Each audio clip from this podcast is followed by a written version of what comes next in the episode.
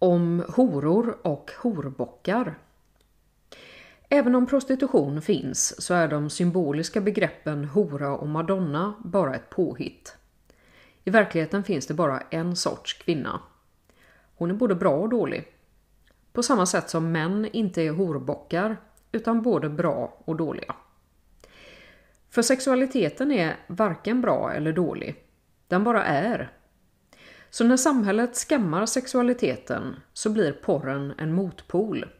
En ventil helt utan gränser. Anledningen till varför det blir så här är för att vi av tradition och ibland religion sällan får lära oss att integrera sexualiteten fullt ut i våra personligheter. Det som inte blir integrerat är det vi skäms för och inte vill låtsas om. Då skyller vi på att motparten lockade oss, fast kåtheten kom ifrån oss själva. Både män och kvinnor gör det här, men kvinnors sexualitet döms hårdare av historiska skäl.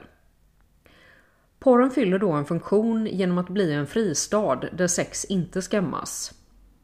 Problemet är bara att porren också är helt gränslös på ett sätt som samspel mellan människor i verkligheten inte är.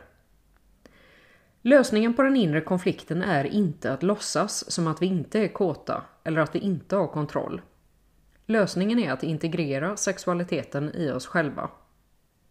I grunden är vi mer lika än olika och det är det som är väsentligt. Båda kön vill ha sex, så låt oss inte skamma någon som vill. Så länge den personen tar hänsyn till andras gränser. Äg din lust, skamma ingen och njut när båda vill.